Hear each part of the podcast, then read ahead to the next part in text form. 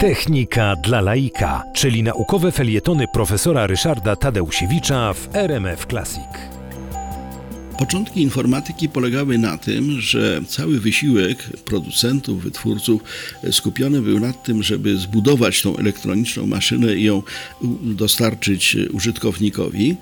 Natomiast po stronie użytkownika korzystającego z komputera było to, jak on z, tego, z tej elektroniki skorzysta. Czyli każdy użytkownik de facto musiał być programistą, no bo nie było innego wyjścia. Ja sam w ten sam sposób pracowałem na moich pierwszych komputerach, że wszystkie moje programy, na przykład do mojego doktoratu pisałem od początku do końca sam, no bo gotowych programów najzwyczajniej w świecie jeszcze wtedy nie było.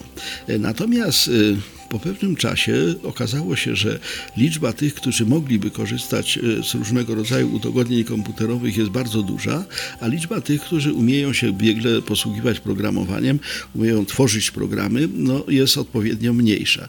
I w tym momencie Diana St. Johnson, e, taka bardzo zdolna angielska programistka właśnie, ale także i e, osoba obdarzona bardzo dużym zmysłem biznesowym, dostrzegła szansę rynkową. To znaczy doszła do wniosku, że no, y, dlaczego tego programu nie sprzedawać osobno? Nie na zasadzie tego, że to jest dodatek do komputera.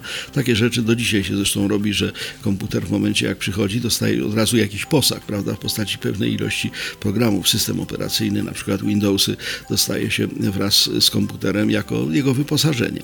Natomiast pewne programy do określonych celów można po prostu kupować, sprzedawać. Jest to obecnie ogromny rynek i wszyscy z tego na co dzień korzystamy, używamy różnych programów.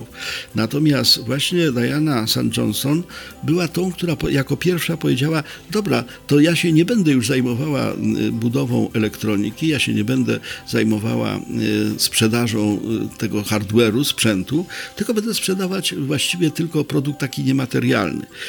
To był 1959 rok i początki były bardzo trudne, dlatego że również w Polsce były problemy z tym, w jaki sposób na przykład zaksięgować taki taki przychód, że kupiliśmy program. No dobrze, ale gdzie jest ten program, prawda? Na czym nalepić nalepkę, że, że mamy jakiś nowy element naszego, naszego wyposażenia. No ale okazało się, że jednak właśnie ta, ta wizja tej Diane St. Johnson była wizją prawidłową. Programy do dzisiaj się produkuje, do dzisiaj się sprzedaje. Mało tego, na sprzedaży programów można najlepiej zarobić. Wiadomo, że te firmy, które w tej chwili są w czołówce potentatów, finansowych, e, jeśli idzie o informatykę, e, właśnie zarabiają przede wszystkim na oprogramowaniu. Ale zaczęło to się z ręki kobiecej i właśnie to jest jeden z wielu przykładów, że panie ze swoim sposobem myślenia i sposobem widzenia mogą w informatyce zrobić wiele.